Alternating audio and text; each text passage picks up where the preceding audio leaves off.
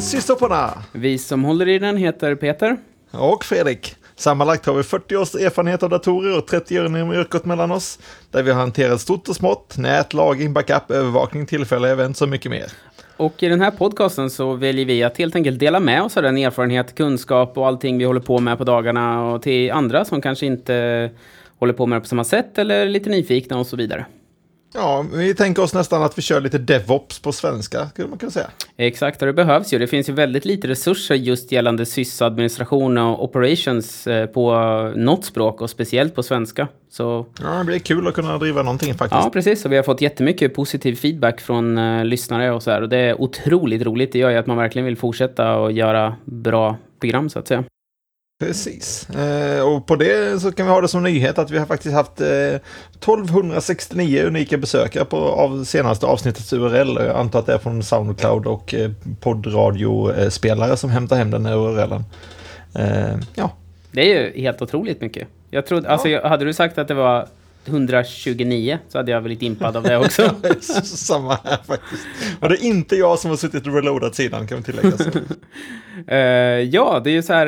Uh, Eh, lite nyheter först som jag sett. Och det här är väl både en nyhet och en fail, fast inte från oss som tur är. Och det är att TP-Link som gör sådana hemma-routers och så vidare har en, eh, haft ett domännamn som eh, pekade på liksom default-IP för routern. Och det domännamnet glömde de att eh, renewa, så nu är det någon annan som äger det och vill sälja tillbaka det för en, den nätta summan om 2,3 miljoner dollar till TP-Link. Som förmodligen TP-Link kommer få hosta upp om de har otur. Det är som hittat. Mm. Det är nästan lika dåligt som när eh, eh D-Link var det väl som hade satt att eh, någon NTP-server på något universitet skulle vara default NTP-server för alla deras routers. Oj, vad snällt. Så de typ D-dosade dem. Vilket också är ganska roligt. Ja. Så kan det gå. Mm. Det är väldigt, väldigt roligt. Eh, det är samma sak som att eh, det var ju någon tjomme som lyckades köpa google.com för 12 dollar. Men jag misstänker att Google fick tillbaka den ganska kvickt. Jag tror han jobbade på Google om jag minns historien Ah, okej. Okay. Det är bra så. i löneförhandlingen. Jag vill ha högre lön. Det får du inte. Jag äger google.com. Hur mycket vill du ha, ha kind sir? ja, när jag kollade där så hittade jag även att eh, Microsoft glömde att förnya hotmail.co.uk en gång i tiden också. Det var också ganska roligt. Ja, det är eh, bra jobbat. Mer sånt helt enkelt. Ja, nej, jag förstår inte hur de inte kan bara regga det skitlänge. Ja, precis. Varför köper de inte för så här, den här domänen ska vi ha i tusen år. Men då kommer någon glömma det om tusen år. det kommer man garanterat att göra i och för sig. ja, exakt. ja, ja. Kanske inte ett jätteproblem. På tal om domännamn, eh, vad har vi mer på systerpodden.com, Peter? Ja, där hittar du framförallt våra show notes där vi kommer lägga upp alla länkar och sånt som vi pratar om och länkar till lite programvaror, länkar till våra GitHub-konton och sådana saker som vi kanske refererar till under avsnittet om ni vill titta på konfigurationsexempel och sådana saker som vi pratar om. Ja, eh, idag så har vi ett ämne såklart som vi ska prata om och dagens ämne ska vi prata om som förmodligen halva lyssnarkåren bara kommer vara paus, delete. För att nu ska vi prata om övervakning. Och det är faktiskt någonting som jag personligen tycker är extremt roligt att hålla på med. Jag tycker övervakning är bland det roligaste i mitt jobb att hålla på och trimma det och så vidare. Och fundera och tänka kring det framförallt och få en övervakning som verkligen ger den datan som jag vill ha och larmar när den ska och larmar inte när den inte ska.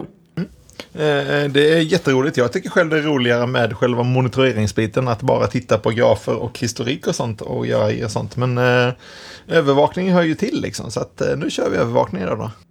Ja, precis. Det är ju väldigt närbesläktat. Så det kommer ju komma, vi kan väl nästan bestämma att nästa avsnitt kommer handla om, eh, om liksom statistikdata och grafer och insamling och, och liksom det som jag kallar metrics. Jag tycker vi nästan bestämmer skilja... det, låter jättebra. Ja, precis. Jag lyckar, brukar ju skilja på det på monitoring och metrics så att säga. Mm. Dock kan vi inte garantera när nästa avsnitt kommer i och med att vi, det är lite sommar och sånt och man kanske vill ligga ute på gräsmattor och sånt istället för att sitta inne vid datorn och spela in podcast. Så vi kan inte garantera när det kommer komma. Så kanske blir det en litet sommaruppehåll eller så här, eller lite längre mellan avsnitten i alla fall. Ja, man vill ju gärna kunna sitta på balkongen under ett paraply liksom och titta på regnet.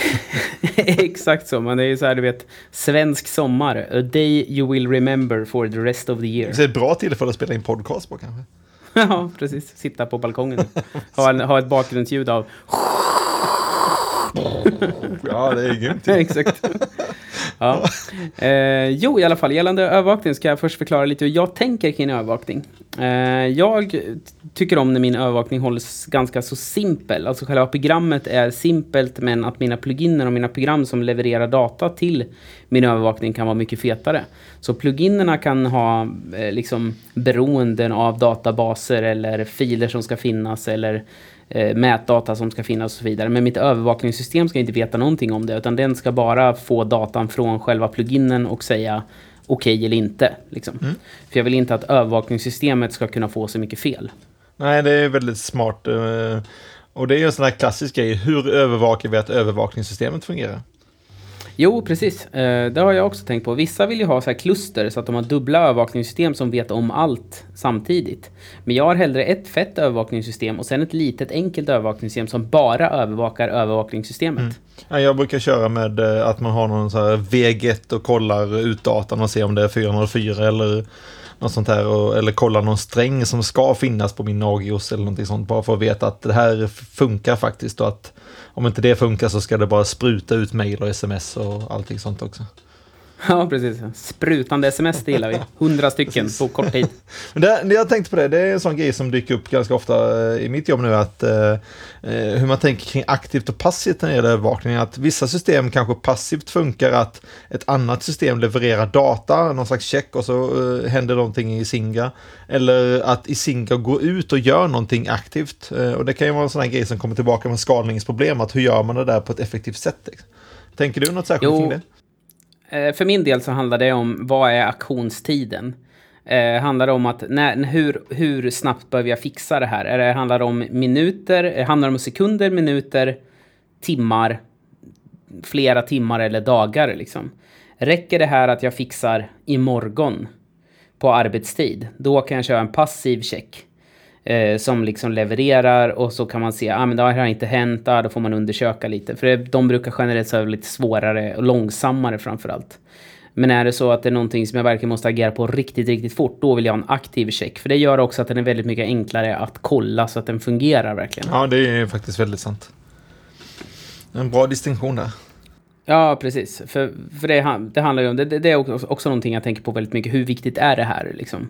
Eh, Eh, är, behöver jag verkligen fixa det här på en minut? Mm, nej, förmodligen inte. Nej, men då kanske det räcker med att ha en, eh, en mail-notifiering liksom. Precis, och där är det ju den här klassiska vad ska man notifiera på och vad man ska inte notifiera på. Vi har ju en sån här dashboard, men det är alltid vissa event som ligger uppe. Liksom, ah, den här burken har, eh, den har 90% disk utilization och eh, det betyder att ja, då måste jag fixa det sen och utöka den. Men den kommer inte att ta slut på en vecka liksom, så att det är inte jättebråttom. Men Eh, man vill samtidigt inte ha mail en gång i timmen om den där, för då kommer man fullständigt att ignorera den, glömma bort det liksom. Ja, så är det absolut. Jag brukar jobba som så att jag jobbar med warnings och criticals. Om vi är så att många i team så kanske jag ställer in så att jag får mycket mer warnings. För då agerar jag på warnings för att kunna jobba lite mer proaktivt. Och då kan jag planera mitt jobb lite mer också. Så att om det är så att man eh, övervakar diskar och vill ge någonting mer disk när den har kommit till 90%. Då kanske jag ställer min warning på 60 eller 70%. För då vet jag att ja, men nu kommer jag ha en månad på mig att planera flytten av den här VMen eller vad jag nu behöver göra liksom. Vilket gör att det inte blir så himla stressigt när väl larmet kommer, om det ens kommer överhuvudtaget. Nej, precis. Eh, min kollega han kör med att eh, alla som ser till att eh, saker och ting försvinner ur det här unhandled problems, de får en kaka. Så att ju fler saker som tas bort, desto mer kakor blir det. Liksom. Det är ju bra. Och jag som är så manisk skulle bli ännu tjockare än vad jag är. Här, tror jag. Jag, jag, jobbar alltid, jag brukar ju alltid jobba med att få ner eh, få allting till 100% grönt, 100% och så vidare och så vidare. Så är det så, jag lämnar aldrig något i anhandel utan jag bara ser till att det försvinner. Och är det så att någonting alltid ligger där, då tänker jag, ja men då kommer det alltid ligga där. Då behöver jag inte ens ha en övervakning, då tar jag bara bort checken. Liksom. Nej, precis, det är det som är grejen, att eh, när ska man göra det? För ligger det där om man eh, får den här klassiska, jag kommer inte ihåg uttrycket nu, men att man har ett alarm som ligger och sen till slut så bara ignorerar man det för att det ligger inte alltid ett alarm där. Och då är det lite som den här ropa räv, att eh, ropar du tillräckligt många gånger så kommer du att ignorera det. Sen när det väl händer något, då, då har du inte sett det. Liksom. Jo, precis. Och, och, det är också en sån här sak, att ha ett övervakningssystem som du inte bryr dig om och skiter i larmen. Då kan du ju lika gärna strunta i det liksom. För då kommer det inte spela någon roll, det kommer inte hjälpa dig i allt. Du kommer bara veta att det var fel. Ja, det var fel jättelänge som du sket i liksom. Mm, det är när det väl disciplin som behövs helt enkelt. Ja, exakt. Och eh, samtidigt är det lika viktigt som det är att ta bort saker som larmar som kanske är trasigt. Det är ju också att dra ner på antal false positives. Alltså larmar det här fast det inte är något fel. Då ska man verkligen börja skruva för att false positive det är något som förstör en övervakningsmiljö. Precis, det för kan att då, bara skit, då, skit, då skiter du i alla larm ganska fort. Alltså du, du, kommer det 10 false positives över en vecka eh, så kommer du skita i larm nummer 11. Garanterat. För att det är så otroligt störigt. Definitivt. Eh, Det är någonting som jag inte tillåter alls. Jag tar bort det direkt om jag får en false positive. Hur gör du när du skapar dina konfigurationer? Har du något eh, system för det? Lägger du in varje host manuellt eller eh, hur gör du det? I mitt system som jag kör idag, jag kör ju primärt eh, OP5, eh, som vi ska prata om lite senare. Och där så är det ju en konfiguration som man gör i ett webbinterface, så då lägger man in checkarna automa- eh, manuellt. Och det är ju för, för min del som har ett ganska så, vad ska man säga, statiskt system. Jag har inte så mycket saker som dyker upp och försvinner. Då, eh, då lägger jag in det manuellt då. Vi gör så att vi, har, eh, vi kör rack tables, det är väl egentligen det där allting ligger och det har vi pratat om tidigare också. Eh, så att vi genererar helt enkelt eh, konfigurationen till Singa baserat på Racktables. Så att eh, har någonting rätt taggar så dyker det upp i, i, i Singa.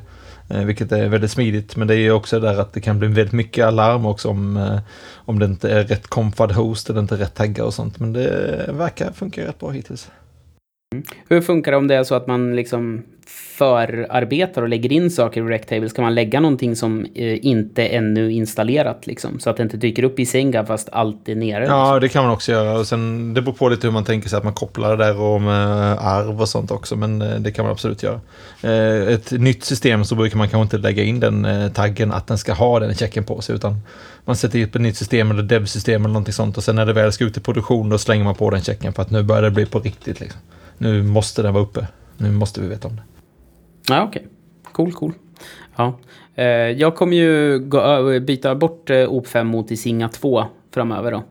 Eh, och då kommer jag säkert göra mycket mer saker som är skriptat med när det gäller checkar och hostar och sånt så att de läggs in och tas bort automatiskt och så. Ja, precis. För det är, Eh, dock är- config-filerna är inte roliga alltså. Eh, I Nagios, nej. Jag gillar ju Isinga 2-configs, de är ju väldigt gulliga. I och med att man kan göra det med loopar och grejer.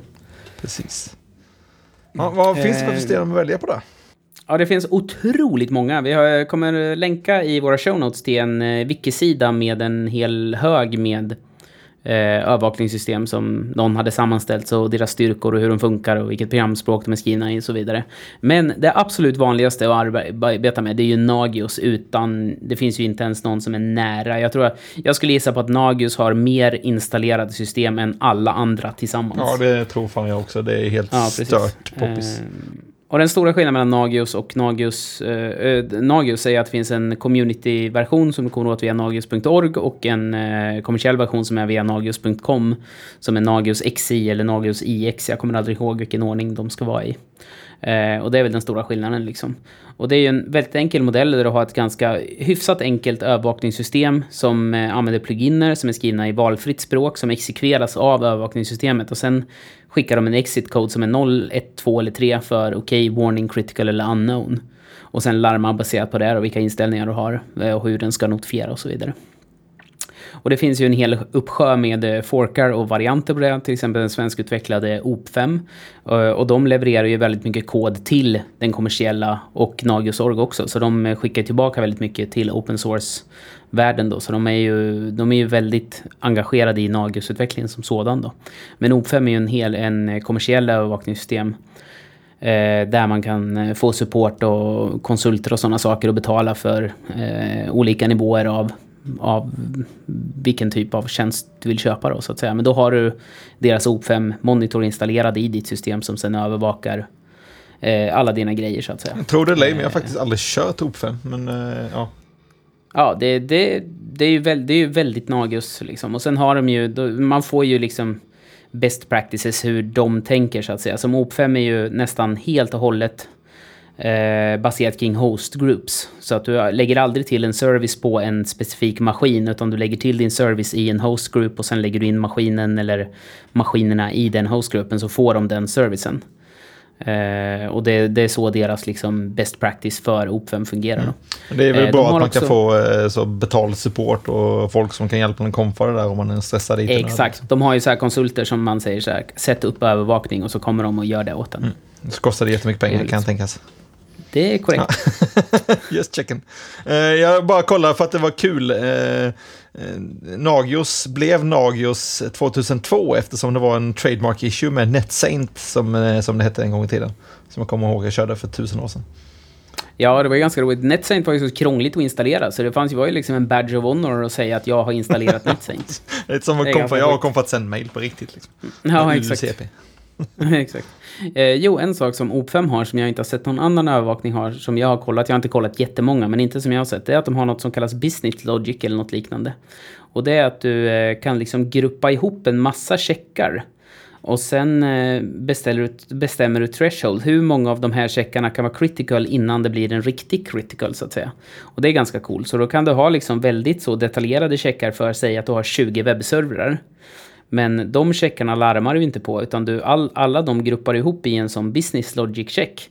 Och sen larmar den bara om, säg att 70% är critical, då kommer du larma på riktigt liksom. Jag tror det är jäkligt vettigt, för det hänger ihop med hela, ska man kalla det för DevOps eller ska man kalla det för microservices kanske, att Eh, det krävs många microservices för att bygga en tjänst och man kan räkna med att eh, den här grejerna kan fallera hit och dit och då lastbalanseras som fixar saker och sånt. Så att, att bara att några burkar är nere är ingenting som är business critical, men eh, däremot om allting är nere och du inte kan ta några anrop så är det, då är det dags att göra någonting. Jo, precis. Så att jag gillade det ganska mycket. Jag har satt upp det för lite saker bara för att testa det så att säga. Eh, jag är ju ingen stor vän av webbinterface. Jag hatar ju att sitta och klicka och dra i listor och skit. Det tar ju, det tar ju så lång tid. Så att eh, jag har väldigt lite tålamod med webbinterface. Ja, det är ju en stor nackdel kring den där. Ja, precis. Det ser fint ut på en eh, sån här övervakningsskärm dock. Ja, exakt. Och sen den sista av Nagios-forkarna som vi kommer att prata lite mycket om, det är ju Isinga och Isinga 2. Eh, och det är ju, jag har kört i Singa på mitt förra jobb och jag har också satt upp en parallell i Singa 2-miljö på mitt nuvarande jobb som jag ska byta ut från OP5 till i Singa 2 sen nästa år då när den licensen går ut. Eh, och jag gillar i Signa 2 jättemycket. Det, det verkligen har alla funktioner som jag söker och konfigurationsupplägget är väldigt roligt för det är objektbaserat så de är, saker ärvs fram och tillbaka. Plus att man kan skripta och det blir liksom programmatiskt hur man lägger till tjänster och sånt. Så man behöver inte göra på enskilda maskiner utan så här lägg till den här tjänsten på alla maskiner med det här hostnamet liksom. Eller som innehåller de här bokstäverna. Just det, då slipper man använda våra Ansible-grejer. Utan då kan den göra det själv. Liksom. Exakt. Grymt precis. Det låter spännande. Det är någonting man får kolla upp. Jag har faktiskt inte kollat på ja. det som sagt. Så att, eh, Nej, Isinga kör vi, men eh, ja. Ja, precis. Jag håller ju på och bygger en, eh, en Docker-container nu med ett komplett Insignia 2-system. Så jag tänker att man ska använda Isigna, eh, Isigna Node, eller vad den heter, som kan skicka en konfiguration till en Signa Host. Ja, så läggs den till automatiskt. Eh, så då tänkte jag bygga en Docker-container och sen slänger man bara in i Signa Node i alla sina containers och säger här är IP liksom. Så bara flupp. Mm, det är planen i alla fall. Jag är inte klar med det så jag vet inte om det kommer funka så som jag tänkt. Ja, det är en låt som en bra plan i alla fall. Ja, exakt. För då tänkte jag att ihop med min Graphite och i Signa 2 så skulle man kunna liksom få en hel övervakningsmiljö i bara lägga in två containers. Liksom. Det, det är målet i alla fall. Microservices. Exakt så. så. Fast just i Signa blev det inte så mycket mikroservice det... tror jag. Det blev mer en liten såhär obis, obis service. Som bara... I know everything. Ja, så, jo, det är sant. Det är ju nackdelen också, men uh, ja. Det är svårt att komma bort från det. Du vill ju ha det på ett ställe också istället för att behöva gå ut på massa olika burkar och kolla din konfiguration och om allting funkar. Så. Ja, så är det ju. Så är det ju. Eh, absolut. Eh, Prometheus, eh, hade du kikat någonting på det? Jag har bara kollat lite på plugin till, eh, till Graf, eller Grafana rättare sagt, vilka datakällor man kan hitta från. Och det är någonting som Soundcloud har byggt en gång i tiden och eh, det, det, känns som att det är någon slags, det är någonstans mittemellan eh, monitorering och metrics skulle jag säga. Eh, för det är kopplat både till Metrics och till övervakningen av Metrics. Eh, och de har massa plugin för både Graphite och för att skicka alarm och allt möjligt sånt. Så att eh, det verkar vara intressant men eh, jag har inte hunnit titta på det. Ehm, så jag vet inte, jag vet inte om du har tittat mer.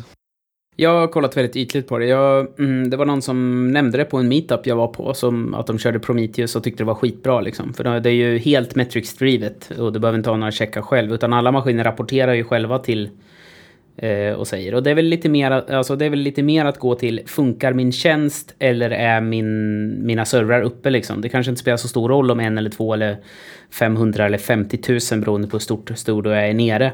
Huvudsaken är att din tjänst har levererat de metrics som är intressanta och att det fungerar på det sättet det ska göra. Ja, det känns lite som när vi pratade om eh, i förra veckans program, om ni inte har lyssnat på det, eh, med... Eh, Eh, du menar när man pratade om Pets vs. Herds?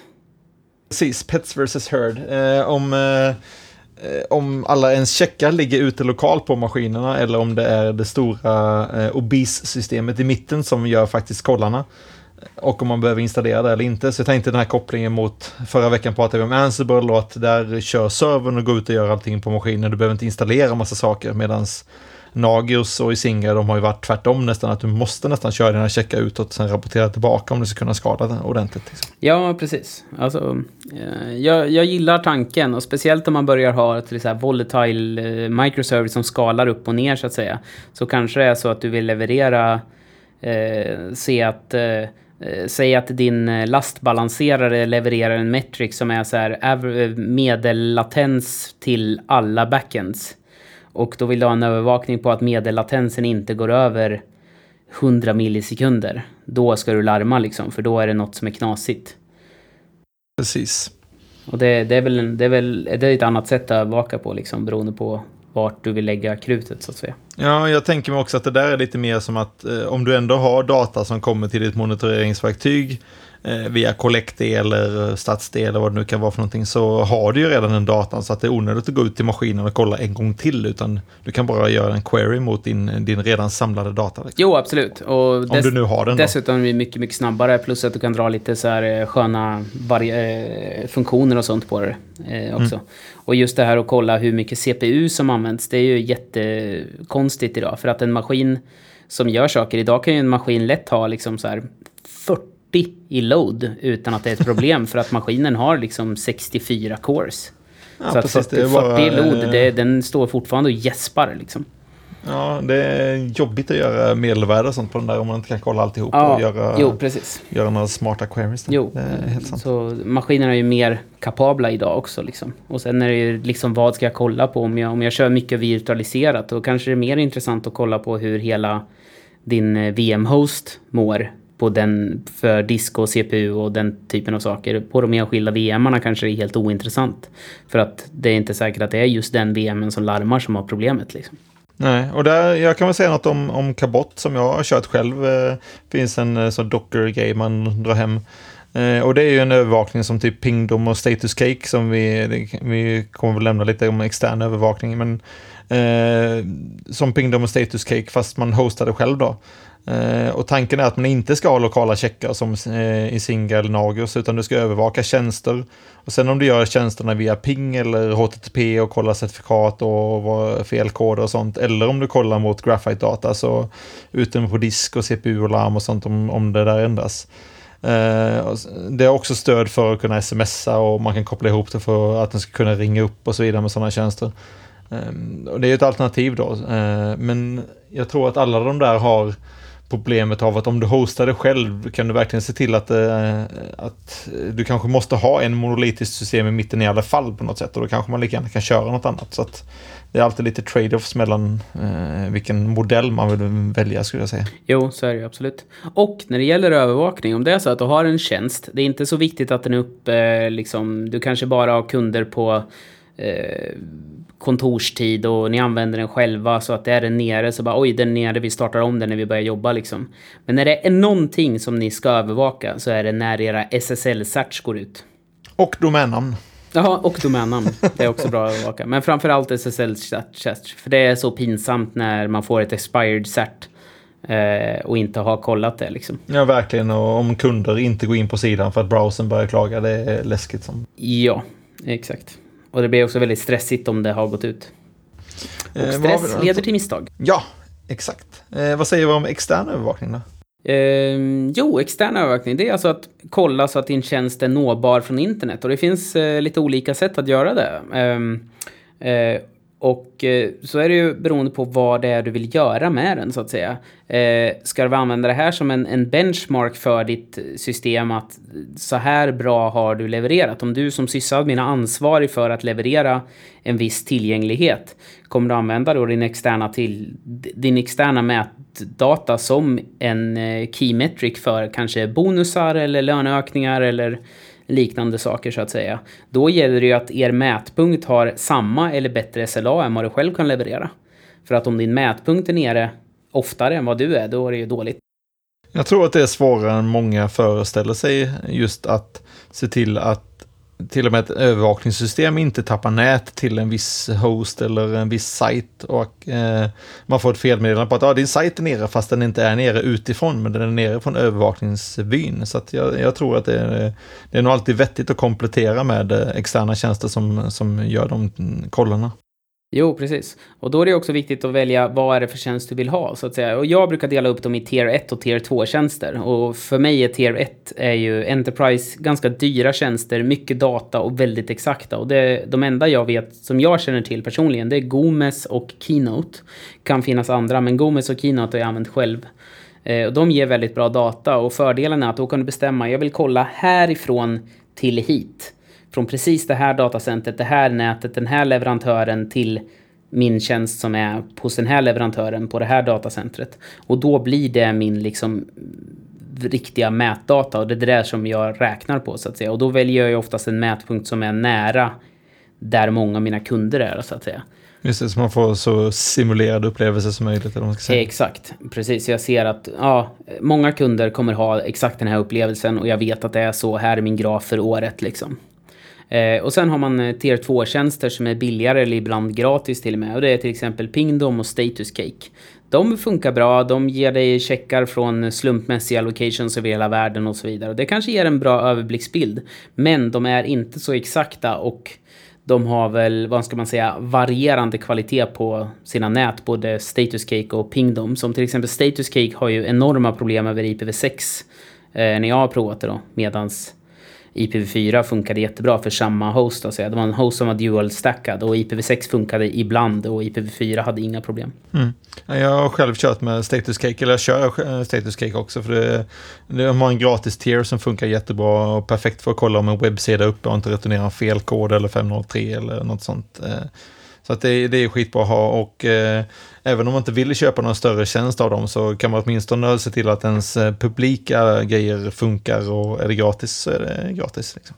Ja, precis. Och det är också skönt för då är det, alltså, när bara man lägger upp en gratisversion av Pingdom eller Status Cake så kommer du när någon chef eller någon kund säger er sajt är nere så kan du svara ja, vi vet, vi jobbar på det. Det är väldigt viktigt. Ja. Om inte annat för professionalismen. Så, ja. Jo, precis. Det, det ger också en, en bra koll. För då fattar folk att ja, det händer, men de är on top of it liksom. Och då blir det inte lika hårt att någonting är nere eller sådär. Det brukar uppskattas väldigt mycket. Vad säger vi? Något mer om notifieringar eller har vi? Eh, ja, när det gäller notifieringar så har man ju eh, hur, hur, vill, hur vill man få reda på att någonting är nere? Det finns ju en hel uppsjö med olika sätt man kan få det. Många kör ju Slack idag. Eh, man kan eh, ha någon IRC-bot som säger någonting, man kan skicka mail, eh, man kan eh, skicka, använda en sms-tjänst på nätet. Eller är din... Eh, är notiserna så viktiga så att kan du inte vara beroende på att ditt nät fungerar till exempel, utan vill du ha en egen out of band-metod att prata? Vill du ha det på ett helt egen nätkoppling eller du kanske till och med vill ha ett GSM-system som skickar sms direkt eller liknande? Och det där måste man ju välja hur viktigt en system är liksom. Det är väldigt intressant. Jag själv tycker att sms är ganska schysst, för man får ändå så mycket notifications och grejer. Men eh, jag vet att eh, eh, det här Kabort som jag körde, de hade någon hook till någon sån tjänst som både kan skicka sms, men de har även ett eh, API för att ringa folk. Och då försöker den ringa upp folk när det verkligen är, om allting är på den här tjänsten du övervakar har skitit dig, så försöker den ringa upp det helt enkelt. Och eh, eh, verkligen se till att någon svarar, så den, den kollar liksom om du har ringt Eh, en, eh, om den hamnar i en röstbrevlåda eller inte, utan den kollar att någon faktiskt svarar och det kan ju vara vettigt att eh, Speciellt nu när folk har sådär att de stänger av notifieringar under natten och sånt och kanske du inte får det där sms om att någonting är trasigt. Men om du får någon som ringer dig kontinuerligt tills du ackar ett fel, det, det kanske är vettigt. Jo, det är precis det som PagerDuty gör faktiskt. Där kan du ställa in olika escalation services och så vidare. Så att först kanske de skickar ett sms till den här personen som är liksom line 1. Om den inte går in och ackar och säger jag har fått larmet, jag har börjat jobba på det. Då kanske den skriver på Slack till en kanal där alla är eller ringer till folk. Och de har ju så att de kan ringa obsessiv. De ringer tills någon svarar. Ehm, och så vidare. Och PagerDuty har även stöd för så semesterlister. Och när du ska ha det, då går du in och loggar in själv och säger nu är jag tillgänglig. Och då får du alla notiser som du ska ha. Och sen när du loggar ut när det kanske din eh, beredskapsvecka är slut, då får du inga notiser längre. Och sen eh, skick, har man i Nagio så har man bara en kontakt och det är att den skickar till PagerDuty. Ja, det är jäkligt smidigt. Ja, det, det, folk, jag har inte testat. Jag, jag ska testa det när vi blir lite fler på det här. Jag jobbar på ganska lite ställe nu så att säga. Eh, när vi blir lite fler så ska jag testa PagerDuty och då ska jag även eh, få in lite utvecklare och sånt. Så kan man skicka liksom för specifika services så kan utvecklarna själva få larmen. Ja, eh, direkt för, man kan lastbalansera lite grann. Liksom. Ja, precis. Och då kan de få larm för precis sin tjänst, så att säga. Det är lite lurigt där när man är många. Vi är ganska många nu på, eh, på mitt team eh, och det är massa olika spetskompetenser, om man ska kalla för. Och just det där att eh, jag som är ganska ny vet att ja, den här servern, visst jag kan starta om den, men om det har någon impact på en annan tjänst så kanske det är svårt för mig att säga ja, jag kan göra det eller nej, jag kanske måste gå in och göra något med någon databas eller någonting sånt. Eh, så om de redan vet om det, att nu är någonting nere och du sen ringer och frågar dem och de vet om att det är nere så är det kanske lite lättare än att du måste ringa och väcka folk och förklara problemet och hej Jo, liksom. precis. Så det tror jag är, är jäkligt fett. Eh, så är det ju precis. Och sen är det ju så att om man tittar på, som jag själv till exempel, då kanske jag kan lägga en mycket högre nivå av fel till mig själv som jag vill veta, men att den, om jag har en kollega som också har beredskap, kanske inte vill ha samma nivå som jag vill ha liksom. Precis, man kan dela upp det lite. Mm. Ja, exakt. Eh, så jag, jag, är, jag ska kolla på PagerDuty, det ligger på to-do-listan. Och folk på LISA-konferensen har ju snackat jättemycket om det och tycker det är skitbra verkligen. Och det verkar inte jättedyrt heller. Alltså, det är inte, det är inte Enterprise-dyrt, utan säg att det kostar några tusen om året. Liksom. Ja, det är klart värt. Ja, precis. Ja, um, har vi något mer att säga om övervakning egentligen? Hur vi jobbar med övervakning? Jag skulle bara säga att jag kan rekommendera Kabot. Det är ett eh, helvete att sätta upp innan man får, får känslan för det. Men eh, i och med att man kan ta ner dockor och sen att man kan koppla till eh, kalendrar och telefonsystem och sånt gör att eh, det är väldigt kraftfullt utan att du behöver lägga några tusen om året redan innan. Men vill du göra det så eh, kör på PagerDuty och eh, Statuscake och gör en trial om inte annat för att se om du gillar det eller inte. För Eh, ibland kan det vara svårt att avgöra att eh, man tänker att ja, jag sätter upp en burk och sen så kanske inte det var så bra övervakning som jag sagt utan du, du måste ha någonting externt som hjälper till dig beroende på vad du har för use case. Så det är väl det som är tipset tror jag. Ja, det är väl eh, i dagens läge när, när man oftast inte har så mycket tjänster och hårdvara och sånt själva så är det nog bättre att börja med en övervakning och ta den top-down och få någon liten övervakning och sen bygga ut den med mer när man behöver. Än att liksom lägga in ett jättenagiosystem som ska kolla varenda liten skitsak i hela nätet och sen bara larmar sönder dig på i två veckor. Det... Utan lägg upp en check och se så att den fungerar och faktiskt larmar när den ska. Och sen märker du att ah, vi behöver en check för det här också, då lägger man till den. Det är verkligen been there, done that. Det... Ja, precis. För det, det, finns väldigt få tillfällen då man vill ha massor, massor av checkar. Eh, jag är väldigt uh, duktig på att ta bort checkar. som jag skiter i. Liksom. Ja, jo, det, men det är ju vettigt, skiter man ändå i den så ta bort dem istället. Liksom. Ja, precis. Se till att när du får larm... Liksom. Alltså, eh, mitt mantra är, när ett larm kommer så ska det vara något man måste agera på. Om det inte är det, då ska inte det där larma. Helt enkelt. Uh, I like it. Mm. Ja, det var väl det om eh, övervakning. Vi går över på lite tips och tricks som vi har hittat under veckan eller som vi håller på med. Och för min del så var det så att jag eh, behövde generera, fixa en eh, PS-prompt i en Docker-container som jag håller på att mecka med såklart. Eh, som inte är min jätteprompt som jag har i mina vanliga maskiner. Och då hittade jag ett, eh, en sida som heter Easy Prompt där man bara kunde med ett eh, webbinterface klicka fram en ny PS-prompt med färger och hela skiten. Det var väldigt smidigt. Ja, jag såg det. Det var en bra länk. Den kommer att ligga på vår hemsida sen. Eh, jag eh, själv har också en sådär eh, fetare prompt. Den heter Uber-prompt var det någon som kallade den för. Så att jag bara inkluderade min Basharsi. Den ligger på min GitHub, min dot-file där. Så att där kan man titta. Jag brukar själv ha olika bakgrundsfärg beroende på om det är i produktion eller i utvecklingsmiljö. Eh, det har jag inte lagt in i den här dotfilen, men det kan man ju enkelt fixa med en variabel som kollar beroende på hostname eller vad, vad som helst. Mm. Jag har olika färger beroende på vilken host jag är inne på. Uh, för att jag vet, uh, det, det, är faktiskt ganska smidigt. Speciellt på vilka vissa viktiga hoster så är jag röd färg för att jag ska vara lite mer försiktig. Då. Uh, en annan sida som jag hittade i, i helgen, vi har ju lite så semesterläge på jobbet nu så att det är lite lägre tempo i alla fall för mig då i och med att jag kommer ju inte bygga om halva nätet när eh, så här, halva styrkan är på semester liksom. Uh, så man har ju lite så här mindre saker som händer. Då jag började med en sajt som heter exploitexercises.com där man helt enkelt får öva på att exploita Linux-system. Och jag har inte kommit jättelångt i det. Jag har kommit en liten bit och det är verkligen svinroligt och mycket grejer. Jag har lärt mig en del liksom eh, hur man gör det. Så jag kommer fortsätta att köra igenom allihopa, tänkte jag, om jag klarar det. Har du blivit en scriptkiddy nu då? Ja, exakt. Jag är störd scriptkiddy. Precis. Jag, jag har lärt mig allt jag behöver kunna. Man går in på Google och sen söker man och så lägger man till plus Stack Overflow på frågan och sen så finns svaret där. Jättepraktiskt. Man söker efter eh, password i, eh, på GitHub. Ja, exakt. Precis så. Eh, så det är väldigt roligt och rolig hjärngympa också. Och så lär man sig lite så här nya grejer med hur... Eh, hur de andra gör liksom. Ja, exakt. Det var faktiskt himla, himla kul. Mm. Grym, eh, grym tips. Mm. Har vi några ja. fails då? Ja, du kanske ska berätta nu när jag sitter och pratar hela ja, tiden. Ja, alltså jag och Peter, vi delade lägenhet i Norrköping en gång i tiden. Och vi jobbade och det var inte så långt bort så tänkte vi att vi kanske kan slänga upp en wifi-länk hem. Eh, och det gjorde vi, men eh, det kanske var så att vi inte berättade för någon att vi hade satt upp en wifi-länk från, eh, från eh, det stället eh, hem till oss. Så att när min kollega upptäckte det så blev det ett jävla liv alltså. Det var, oj oj, det var möten med diverse högt uppsatta och, och ja, det var, det var inte jättebra. Mm. det, det var väl ungefär lika dåligt som wifi-länken var tror jag. ja, det var kanske den sämsta wifi-länken.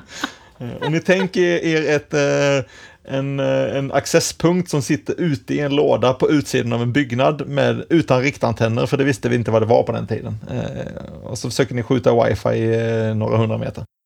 Ja, precis. Det var, ibland så hade man nät, men det var väldigt roligt projekt om inte annat. ja, det var sjukt mycket tankar bakom den där, men ja. Aha, så, vi var noobs på den tiden, om vi skyller på det. Ja. Jag fick faktiskt en fråga, en out of band-fråga, den kom via IRC idag. Det är inte helt eh, relaterat och vi har inte egentligen något jättebra svar heller, men om någon har några idéer så får ni jättegärna mejla eller twittra till oss och säga det. Och det. Om man eh, har en nod som ska skicka metrics till en server. Servern är en riktig server så att säga, men noden har sporadiskt nät eller väldigt dåligt nät. Kan man få liksom till exempel collect D att Eh, buffra metrics och sen skicka när nätet kommer så att säga. Så att man inte får några hål i datan på sin server. Och jag vet inte riktigt om det går att göra med Carbon Relay eller Carbon C Relay eller någonting. Eller en sätta upp med R-sync och bara R-synka Whisper-filer, jag vet inte. Nej, det, det, är en bra fråga. Det är så här, det kanske inte är det vanliga use caset för min del, utan har man inte nät så är allting dåligt. Eh, men eh, om man nu har eh, någonting som kopplar upp sig periodiskt och sådär så, nej, jag vet inte. Men jag, jag, tror att jag har läst om Carbon C Relay, att man kan få den till att dela upp hur mycket data den ska skicka till olika sajter och att den ska finnas kopior på flera ställen och sånt. Så det kan finnas, men jag, jag har tyvärr inte testat för mycket. Men... Jag fick frågan idag sent på eftermiddagen, så jag tänkte väl försöka kolla runt lite. Men det är en väldigt, väldigt intressant fråga faktiskt. Absolut. Och det är också så att man vill ha det lite robust också, så att säga. Så det är väl ingen dum idé att ha det alltid, liksom. För man vet ju inte, går nätet ner så går nätet ner. Och då vore det ju tråkigt om man missade alla sina metrics under den tiden om nätet är nere så att säga. Ja, om man då dessutom använder metrics för att generera alarm så är det ju dumt eh, om disken blev full just då och så får du inte reda på det förrän två dagar senare. Liksom. Ja, precis. Eller inte alls kanske till och med, om det är borta Nej. helt. Att, Nej, eh, precis. Så det, det, är lite hur känsligt det är så att säga. Ja, mycket bra. Mycket bra fråga måste jag säga, men eh, ja, tyvärr har jag inget rakt svar på den där. Ja, och som vanligt så eh, show notes finns på sysopparna.com och eh, vi finns på Twitter. Jag heter OpenTokix på Twitter. Eh, jag heter finns... Joltkan på Twitter. Och vi finns på Sysopparna också på Twitter. Sen har vi våra respektive GitHub-konton som också är länkade från show notes där ni kan kika, där vi kan lägga upp lite config-grejer och sånt. Ja, och man får ta filer och man får även eh, skicka tillbaka tips och idéer till oss, eh, antingen via GitHub eller bara via mail eller något sånt. Så eh, skicka på om ni har några frågor. Ja. Eller kritik eller vad som helst. Ja, precis. Så det var ju avsnitt fyra av Sysopparna och vi tuffar på med den här podcasten. Minst tre avsnitt mer än vad jag trodde. ja, minst. Jag skulle säga att det är fyra avsnitt mer än vad jag trodde det skulle bli. Kanske till och med det. Så, eh, Ja, grymt. ja. Ja, Tack för att ni lyssnar och eh, all feedback är rolig feedback. Och eh, till nästa gång, data på! data på. Hej, hej.